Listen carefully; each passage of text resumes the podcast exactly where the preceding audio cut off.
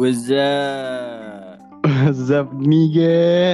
Eh, ada Akhirnya nih. Jumpa lagi. Jumpa Uri kembali. Yoi. Jumpa lagi bersama 62 Nets. Oke, 62 Nets dan Ya, Urian Angelo di kabar-kabar- sini Ada kabar-kabar berita Upsnitch. nggak gini gini gini. Kan gue udah mulai ditanyain sama orang-orang nih. Ri, Hmm. mana podcast lu yang baru dong, episode baru dong. Gila masa stuck di episode 3. Mm, mm, mm, mm. Tiganya juga dari 1 2 3 gue bilang yang lumayan bener isinya tuh episode 3 lah 1 2 tuh kayak masih tester aja.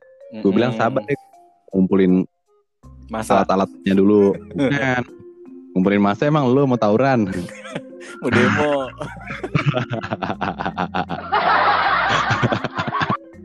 Tuh.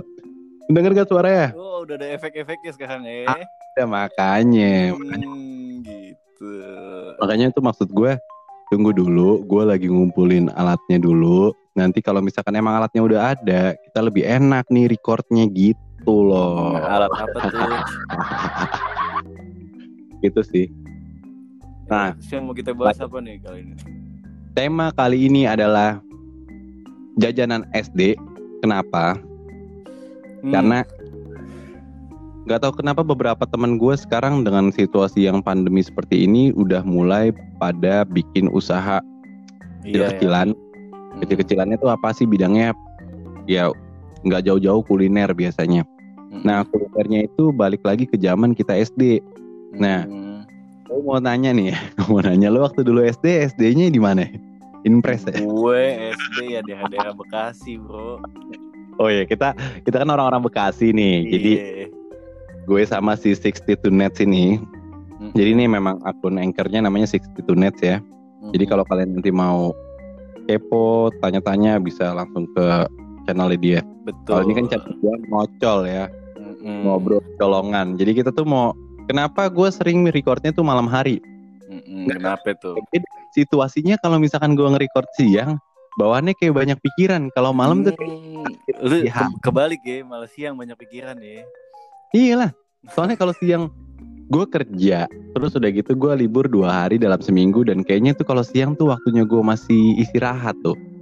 Tuh, kalau gue siang Gue malah siang malah banyak pikiran nih, gue pusing di kantor. gue tampol lu. Tadi kan gue bilang siang gue banyak pikiran. Anda oh, iya, berarti nyimak sama dong kita. Anda sahur gak nanti nih sahur gak? Kayaknya enggak. Gue udah nyium-nyium bau kebusukan di sini soalnya. Ada aroma kemunafikan di sini, persekutuan dengan iblis kayaknya dari. Nah, lanjut ya. Lanjut ke topiknya. Jadi tuh gue tuh pengen tahu nih di seputaran lu sekarang nih udah ada yang mulai bikin eh, usaha-usaha gitu gak? Terus usahanya tuh bi- yang bidang kuliner juga nih biar nyambung sama topiknya. Hmm, ada sih nih, nih gue mau cerita nih. Kebetulan nih temen kantor gue juga ya. Mm-mm. Jadi teman kantor gue ini suaminya nih, suaminya kena PHK lah, ya kan lagi saat sikon Hmm. kayak gini kan banyak banget yang di PHK. Banyak orang miskin dadakan loh bre sekarang Iya, serius bukannya ada kutip ya. Hmm, dimiskinkan bener. Nah, temen gue ini suaminya di PHK. Nah, cuma karena suaminya punya basic apa masak, tadinya Mm-mm. suaminya tuh jadi orang finance gitu katanya. Terus dia di PHK, akhirnya sekarang dia buka usaha makan kayak nasi kotak gitulah. Ya itu sih kata-kata temen gue yang pada keluar pada bisnisnya ya kuliner nggak jauh-jauh kuliner ada juga yang buka usaha baju gitu kan karena mungkin kita mau lebaran nih jadi Mm-mm. dia jualan baju lah baju anak-anak baju laki Baju APD. anjing baju APD masker ya udah laku tapi sekarang masker dimun dimun Udah. udah gak bisa sekarang masker udah Percuma, akhirnya. ada gue gue cukup happy loh dengan situasi dengan situasi sekarang ya maksudnya kayak lu mampus lu yang kemarin pada nimbunin masker yang pada jualin masker harga-harga tinggi Iya, gue mah kesel peduli gua. gini terserah gue Iya. terserah kalian mau nanggepinnya gimana tapi gue sebagai eh, warga yang turut kena imbasnya ya maksudnya kayak tadinya Gojek bisa pakai masker loh Iya. tadinya eh, di barber gue kan gue kan kerjanya di barber kan. Mm-mm. untuk urusan barber itu kita bisa beli masker dengan harga murah. Kenapa sekarang kayak masker harganya jadi mahal banget? Makanya. Terus juga buat, teman-teman buat masalah masker Apa? tuh beli aja tuh di Tokopedia juga ada tuh yang lagi campaign masker untuk Indonesia tuh. Gua kebetulan kemarin beli tuh. Nah Nah, dengan berapa? Oh, itu sih ya standar sih karena menurut gua itu masker dibuatnya sama desainer-desainer terkenal sama brand-brand yang terkenal juga. Jadi kayak Desainer terkenal, uh, serius loh. Brand-brand terkenal lah gitu. Kayak kemarin Mungkin gua- dari mungkin maskernya nanti ada Itang Yunas gitu. Ana Avanti masker. Lah, keren juga, keren juga. Batik. Ivan Gunawan. Lawan ya kan. Ada fotonya Nasar nanti. Kan Ya, kita nggak tahu. ada fotonya Nasar sambil apa tuh yang ada stikernya tuh? Tak tak. Eh, Kalau nggak lu nanti bagian yang lu pilih yang fotonya ada Ipul ya kan? Saiful Jamil. Dengan Jangan, hap hap ya kan. Iya jadi itu jadi kalau kita beli masker itu jadi satu masker itu sama dengan menyumbang tiga masker katanya gitu. Tapi emang desainnya Oke, lucu-lucu tapi dengan sih. dengan harganya nggak terlalu mahal, nggak nggak selangit kayak masker yang kemarin tuh sensi. Kalau masker ini yang ini menurut gua dengan harga 45.000 sih worth it karena ya itu brand Ya. terkenal dan ya desainnya juga maskernya terkenal. kan. Mm-mm. Masker scuba sih dia modelnya. Oh scuba, scuba tuh mungkin ada beberapa yang nggak tahu scuba tuh yang kayak gimana sih? Yang kain gitu loh. Yang kayak masker Korea itu bukan? Iya, masker Korea, masker Korea yang di Yang kayak kainnya yang elastis, agak gitu, elastis. Yang lagi ngehits sekarang gitu lah. Korea Utara maksudnya. Masker Kim Jong Un dong. Nah, gue tuh kenapa gue mau bahas deh soal temanya jajanan SD? Kenapa? Karena beberapa teman gue itu sekarang udah mulai pada jualan. Jualannya simple-simple aja. Iya. Teman gue ada yang dulu gue pernah kerja di PRJ. Mm-mm. Temen gue bantuin eh, ngasih info sehingga gue akhirnya bisa diterima nih waktu itu event di PRJ 40 hari dan dia sekarang juga kena PHK dari kantornya Mm-mm. dan kantornya bangkrut juga gitu. Jadi udah nggak ada kantornya karena situasi kayak gini dan udah susah banget karena IO IO gitu kan. Iya, Dan- mungkin lagi dong dia bikin usaha. Akhirnya Eh bikin acara Hmm. ya kan. nggak mungkin bikin acara dengan situasi kayak gini ya udah paling nggak dengan dia punya relasi-relasi yang masih bisa dihubungin yang ma- yang masih bisa punya daya beli Mm. coba lah ditawarin kayak dia jualan sambal roa tapi sambal roa bukan jajanan SD gue karena nggak ada waktu itu nah beberapa teman gue ada yang jual apa kayak basreng Mm-mm. Li- ian, yang kayak makaroni gitu mulai Iya. dari harganya lima ribu perak sampai ada yang sepuluh ribu Eh, jangan salah Gitu. tuh jualan ini juga lagi rame tuh jualan telur gulung sama cilor tuh. Iya selalu jangan jual sembako isi sampah aja Kemudian pelerka dong, eh pelerka, pelerka. tapi bohong Emang pada pada anjing itu manusia kelakuannya. nggak ada otak. Nah gitu jadi gue gue sekarang beberapa teman gue itu ada yang jual kayak eh basreng. Cuman kalau gue kan emang gue nggak gitu hobi mak apa basreng ya karena gue nggak kuat pedesnya sih. Kadang dia ngejual rasanya nggak ada yang nggak pedes. Gurihnya gurih pedes, manis manis pedes gitu. Gue nggak nggak gitu kuat gue. Hmm. Tapi ada beberapa menu lain kayak ya hampir-hampir sama. Kalau nggak lu tahu gak? Nah yang jajanan SD yang zaman dulu tuh gue nggak tahu lagi nama kuenya apa tuh yang ujungnya ada kuncupnya warna-warni itu Apaan tuh Kayak ujungnya kuncup warna-warni? Yang gue tau kue tete. aku Zaman ya. Lu mah pas beli kue tete nyari pentilnya kan lo itu dulu yang gue uyup soalnya. Kalau bisa ini samping ya ada pinggiran. Kalau gue mah dari tengah gue nyotin. tengahnya langsung ditubrukin. Nah kalau gue nggak tahu ya maksudnya dengan dengan situasi kayak sekarang nih ada gak beberapa opsi lain mungkin ya kalau gue juga nggak tahu sih ini temanya jajanan SD atau mungkin eh, solusi di saat pandemi gitu ya.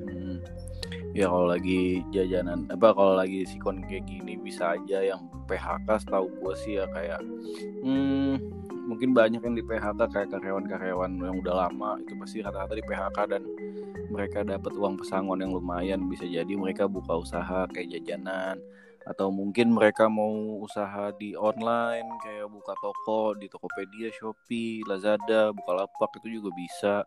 Karena ya sikon kayak gini jujurnya ini apa online sih yang lagi jalan banget yang lagi kencang iyalah banget. pasti. Offline tuh mati semua lah. Nggak bisa. Lo mau buka restoran modalnya dan segala macem terus tempatnya nggak bisa dipakai buat ngumpul nggak bisa lah. Betul. Dan situasi kayak sekarang menurut gue ya. Oke gue yakin nih gue yakin. Temanya hari ini adalah eh, solusi khusus di saat pandemi nih. Hmm, nah dan lucunya lagi ini kan situasinya kan berbarengan dengan bulan suci Ramadan nih. Nah iya Di mana kita udah tahu ya slog, eh, slogannya, tagline-nya Ramadan tiba, Ramadan tiba, tiba-tiba Ramadan.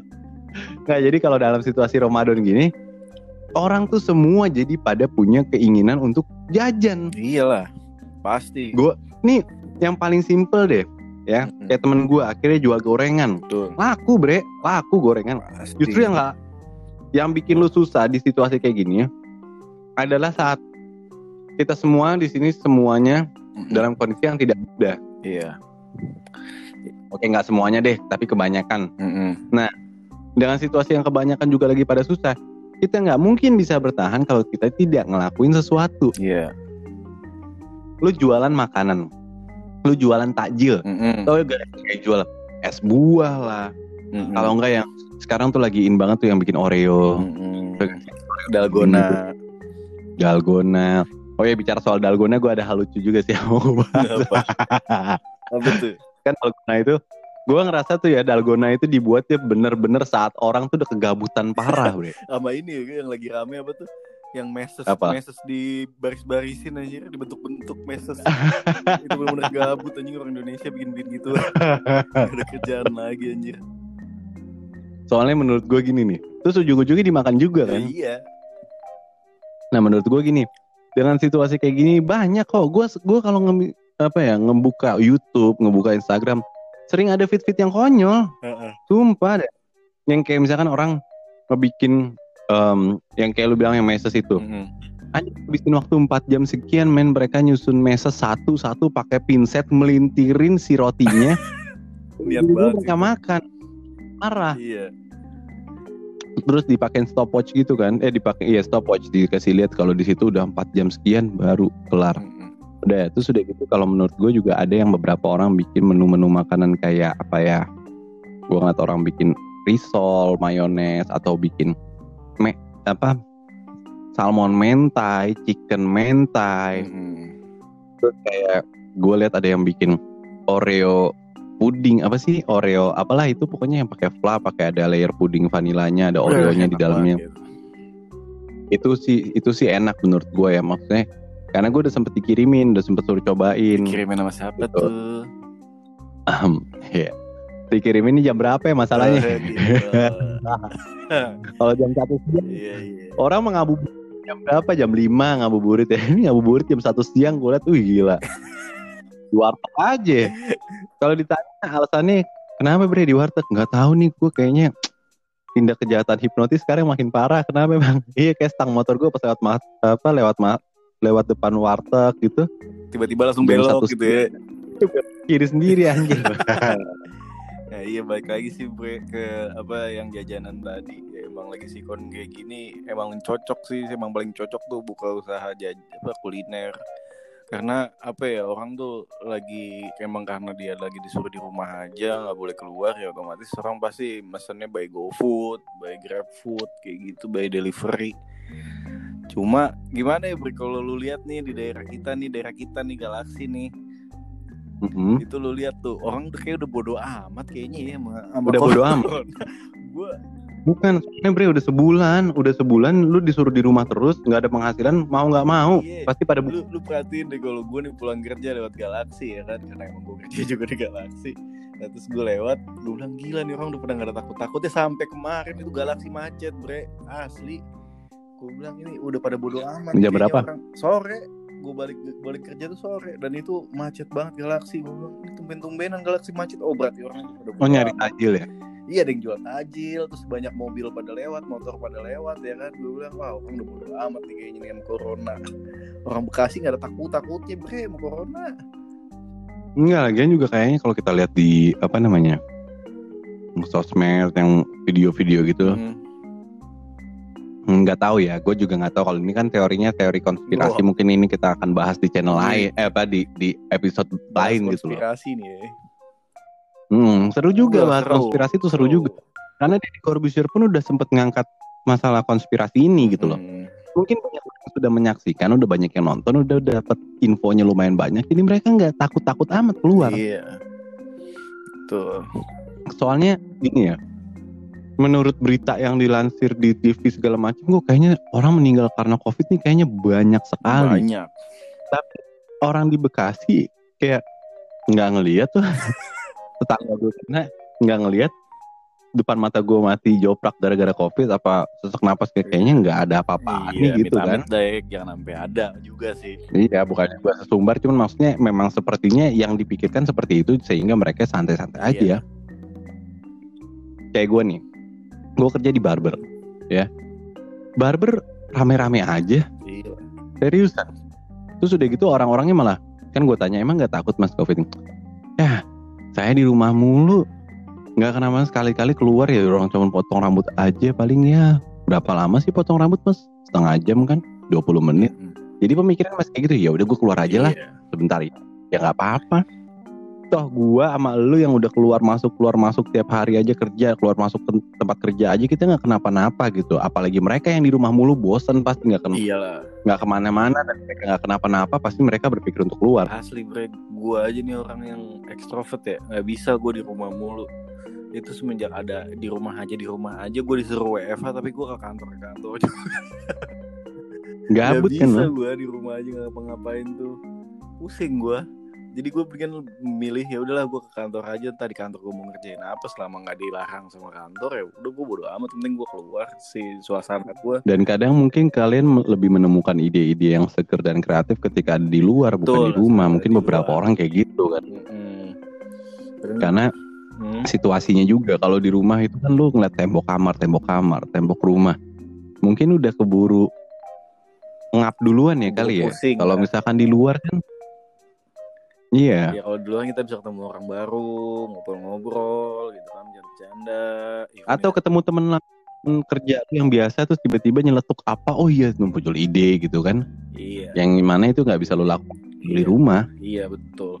Karena gimana ya intinya sih kalau menurut gua nih covid iya, ini nih ya udahlah maksud gua kalau kita tuh intinya kayak social distancing aja sama pakai masker pakai hand sanitizer udah cukup lockdown lockdown kayak gitu terus tuh nggak ada habisnya ekonomi tuh nggak bakal maju juga Iya. kasian gue sih nggak teman-teman gue tapi yang udah kena PHK dan temennya apa suaminya temen Mm-mm. gue yang kena PHK gitu kasihan sih maksud gue gitu cuma menurut gue ya gue Memang sih situasi support- kayak gini, kita kan memang- cuma menurut gue iya memang situasi terlalu- kayak gini kan kita Heeh. nggak nggak sebentar sebentar kita kayak gini kan juga menurut gua nih kita kan tidak ada lockdown sebetulnya cuma PSBB doang iya gitu. istilahnya. Sosial berskala besar istilahnya. Tapi kita tidak ada benar-benar lockdown karena kalau yang lockdown Iya. yang kayak dibilang di berita itu benar-benar tutup bre. Tutup benar-benar tutup. Mm-mm. kayak gua nih. Gua bilangnya tetap aja ini bukan lockdown ini PSBB kenapa? Karena toh tempat kerja gue masih boleh beroperasi selama apa namanya gue nggak ditutup gitu. Gue nggak ditutup gue boleh selama tidak terjadi antrian yang membludak Hmm. tidak ada orang yang nempel gitu nggak masalah. Untuk beberapa bidang usaha karena ada pembatasan sosial berskala besar ini Mm-mm. kayak misalkan mesti urusan pengiriman barang lah jumlah orang yang kerja harus berkurang kayak gitu-gitu loh. Iya. Gue tanya beberapa orang yang cukur di tempat gue ya sejauh ini sih orang-orang itu masih kerja oke karena tempat barber gue misalkan modelnya yang menengah ke atas misalnya. Tapi mungkin kalau di tempat yang menengah ke bawah kita bisa temukan orang-orang yang kemudian mau potong rambut aja. Mikir nih eh gue duit gue udah tinggal segini dan segala macem gitu loh. Gue sempet tanya tukang parkir di tempat gue pun dibilang saya pusing gabut di rumah nggak ada kerjaan. Tukang parkir di tempat gue jadi bersihan bre jadi lebih sumpah. Mandi mulu nggak bohong gue parah. Dan katanya masa sih bersihan? Iya kali nggak keluar mu gue nggak keluar mulu bang. Gue di rumah mulu. Bener dah ada emak bapak gue lagi. Terus udah gitu gabut kan di rumah. Ya udahlah kalau dia kerja gitu ya. Gue kan biasanya kan jarang ngasih duit parkir di tempat kerja gue sendiri ya. Iya. kalau sekarang gue dengan kondisi seperti ini gue kayaknya ra- rasanya kalau gue punya penghasilan harian itu pasti gue kasih ke mereka deh iya apa apa lah kita bantu. Soalnya kayak, kayak sekarang nih ya, gue ngelihat ada di depan rumah gue nih kalau jam 10 malam. Nah ini gue juga nggak tahu mungkin suatu hari nanti lo lihat mereka di galaksi atau apa Wan. Mm-mm. Jadi contohnya nih, jam berapa? jam 10 malam gitu tiba-tiba ada tukang sekoteng ting ting ting ting ting ting ting di rumah gue rumah gue kan paling Iya. ujung ya jarang ada tukang jualan yang lewat sampai ke ujung nih sampai ke rumah gue karena mikirnya ah udah di ujung mentok. Paling baru sampai setengah jalan ke menuju ke tempat gue habis itu mereka udah putar balik. Iya karena suara itu Nah. nyaring pasti nyampe ke lo. udah nyari nah akhirnya gue panggil kan ah malam-malam nih enak juga nih makan sekoteng kali kan. Gue juga pengen tahu Betul. nih sekotengnya yang jual. Sekotengnya isinya apa aja sih? Yang jual yang orang biasanya bukan ternyata bukan nah biasanya kan bapak-bapak ini yang anak muda kurus tinggi gitu tapi dia sama istrinya sama anaknya bre masih kecil. Hmm, jadi bayangin gak jam 10 malam keliling jual sekoteng satu keluarga men. Satu keluarga mereka jualan sekoteng jadi perginya barengan. Jadi kalau misalkan pas lagi jalan nih sepedanya anaknya ditaruh di atas sepeda bapaknya yang dorong gerobaknya ibu siapa sih istrinya yang megang dan itu pasangan muda. Iya, iya. kayak gue kan kalau ngeliat kayak gitu gue lebih terharu ya kenapa? Maksudnya kayak lu eh, dalam situasi kayak gini nggak memutuskan untuk jadi pengemis untuk jadi lu nggak Iya, nyerah gitu loh masih- sama masih keadaan. berusaha lah. lu cari usaha dan ketika lu pergi pun berusaha lu bawa anak istri lu. Udahlah gue ceritanya gue lagi ada ada simpenan beras kan sekarang ya yang 4 kiloan gitu kan emang kemarin tuh buat dibagi-bagi ke orang gue sama teman gue nah ada sisa beberapa karung akhirnya gue kasihlah sekarung nih gue kalau bukannya gue riaknya nih ya maksudnya itu adalah tindakan yang bisa kita support untuk orang-orang yang masih melakukan pekerjaan dalam situasi Betul. seperti ini nah gue lebih respect sama orang-orang yang dengan situasi kayak gini mereka nggak nyalahin pemerintah nggak Hmm. nyalahin orang lain mereka sibuk menyibukkan diri untuk mencari uang dengan solusi apa nih yang mesti karena ini tukang sepotong ini gue nggak pernah lihat sebelumnya Iya. sumpah. Jadi kayak dia baru baru gue lihat pas situasi sekarang nih. Berarti mungkin aja dia adalah orang yang sebelumnya bukan penjual sekoteng gitu loh. Ya mungkin karena sikon kayak gini dia jadi jualan sekoteng gitu. Nah kayak temen gue aja tadinya ada di event organizer tiba-tiba IO nya udah nggak ada dia sudah bingung nggak ada pekerjaan. Akhirnya dia memulai pekerjaannya makanya dengan- sebetulnya dengan situasi kayak gini banyak kok orang-orang yang tiba-tiba jadi pengusaha. Karena mendadak jadi pengangguran akhirnya mendadak jadi pengusaha. Selama mental berjuangnya masih ada gue rasa itu masih bisa hidup kok. Ya kayak usaha kuliner gitu kan. Ya kalau bisa daftarin aja tuh ke GrabFood atau GoFood nggak susah kok. Kadang kan ada orang yang Gua- ah gua susah kayaknya daftar di GrabFood, GrabFood Grab, apa GoFood gini-gini gitu kan. Ya, menurut gue sih ya ya lu harus ada usahanya lah gitu jangan cuma ngandelin dari WhatsApp dari Instagram itu emang Iya. sebenarnya agak sulit karena lu butuh modal duit sih kalau dari Instagram gitu. Lu harus ng- ngiklan juga gitu kan nah itu kalau lo gitu pakai kan. iklan ya jadi kalau emang ini mendingan lu daftar di GoFood atau GrabFood aja setahu gua mau cuma Iya. modal NPWP kok lagian kalau yang nah udah- itu nggak ya, perlu bayar lagian kalau Iya, yang kena PHK pasti kan dia kerja dan pasti punya NPWP kan ya udah pasti di, Si- bisa nah. dipakai lah Iya, punya.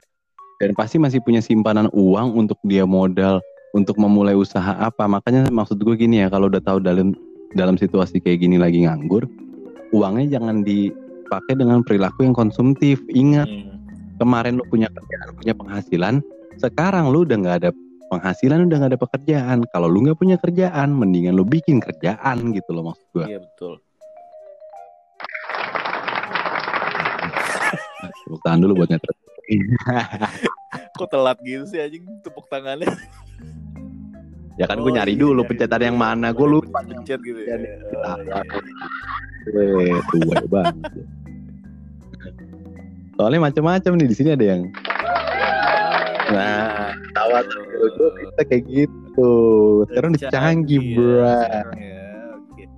Makanya gua ajak lu supaya langsung waktu itu ke Udah langsung aja ke rumah gua aja biar kita podcastannya bareng. Lu belum ada waktu ya udah kita via telepon aja dulu. Iya, Soalnya- gimana? Soalnya gua nggak tahu ya, maksudnya kalau beberapa beberapa kejadian itu memang nanti juga kita akan bahas ya. Maksudnya beberapa kejadian yang gue lihat itu membuktikan kalau apa ya solusinya untuk bisa bertahan dalam situasi kayak gini ternyata beberapa terbukti kok cukup sederhana.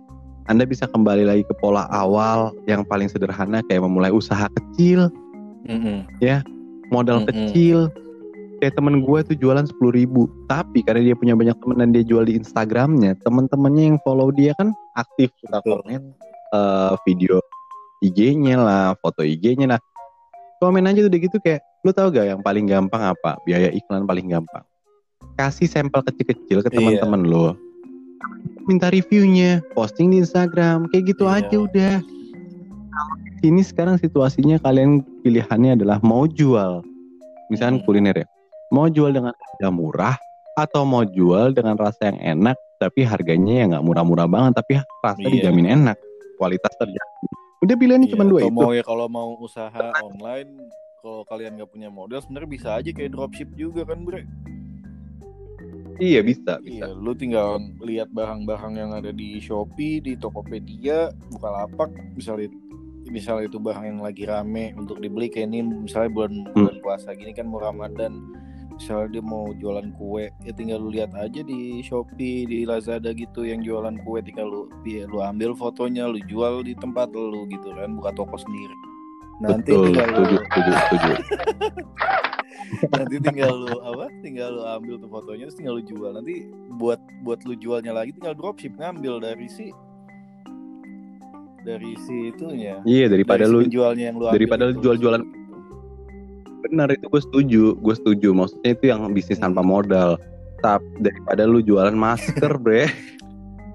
daripada lu jualan masker sensi, Iya. aduh.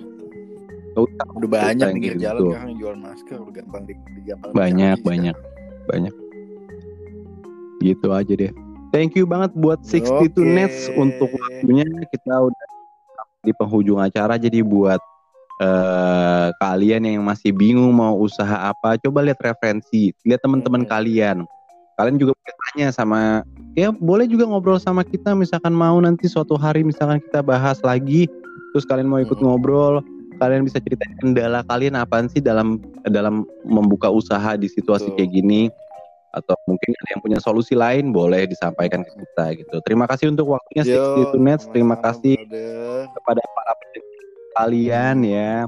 Sampai jumpa di episode ngocol yes, berikutnya. Bye bye.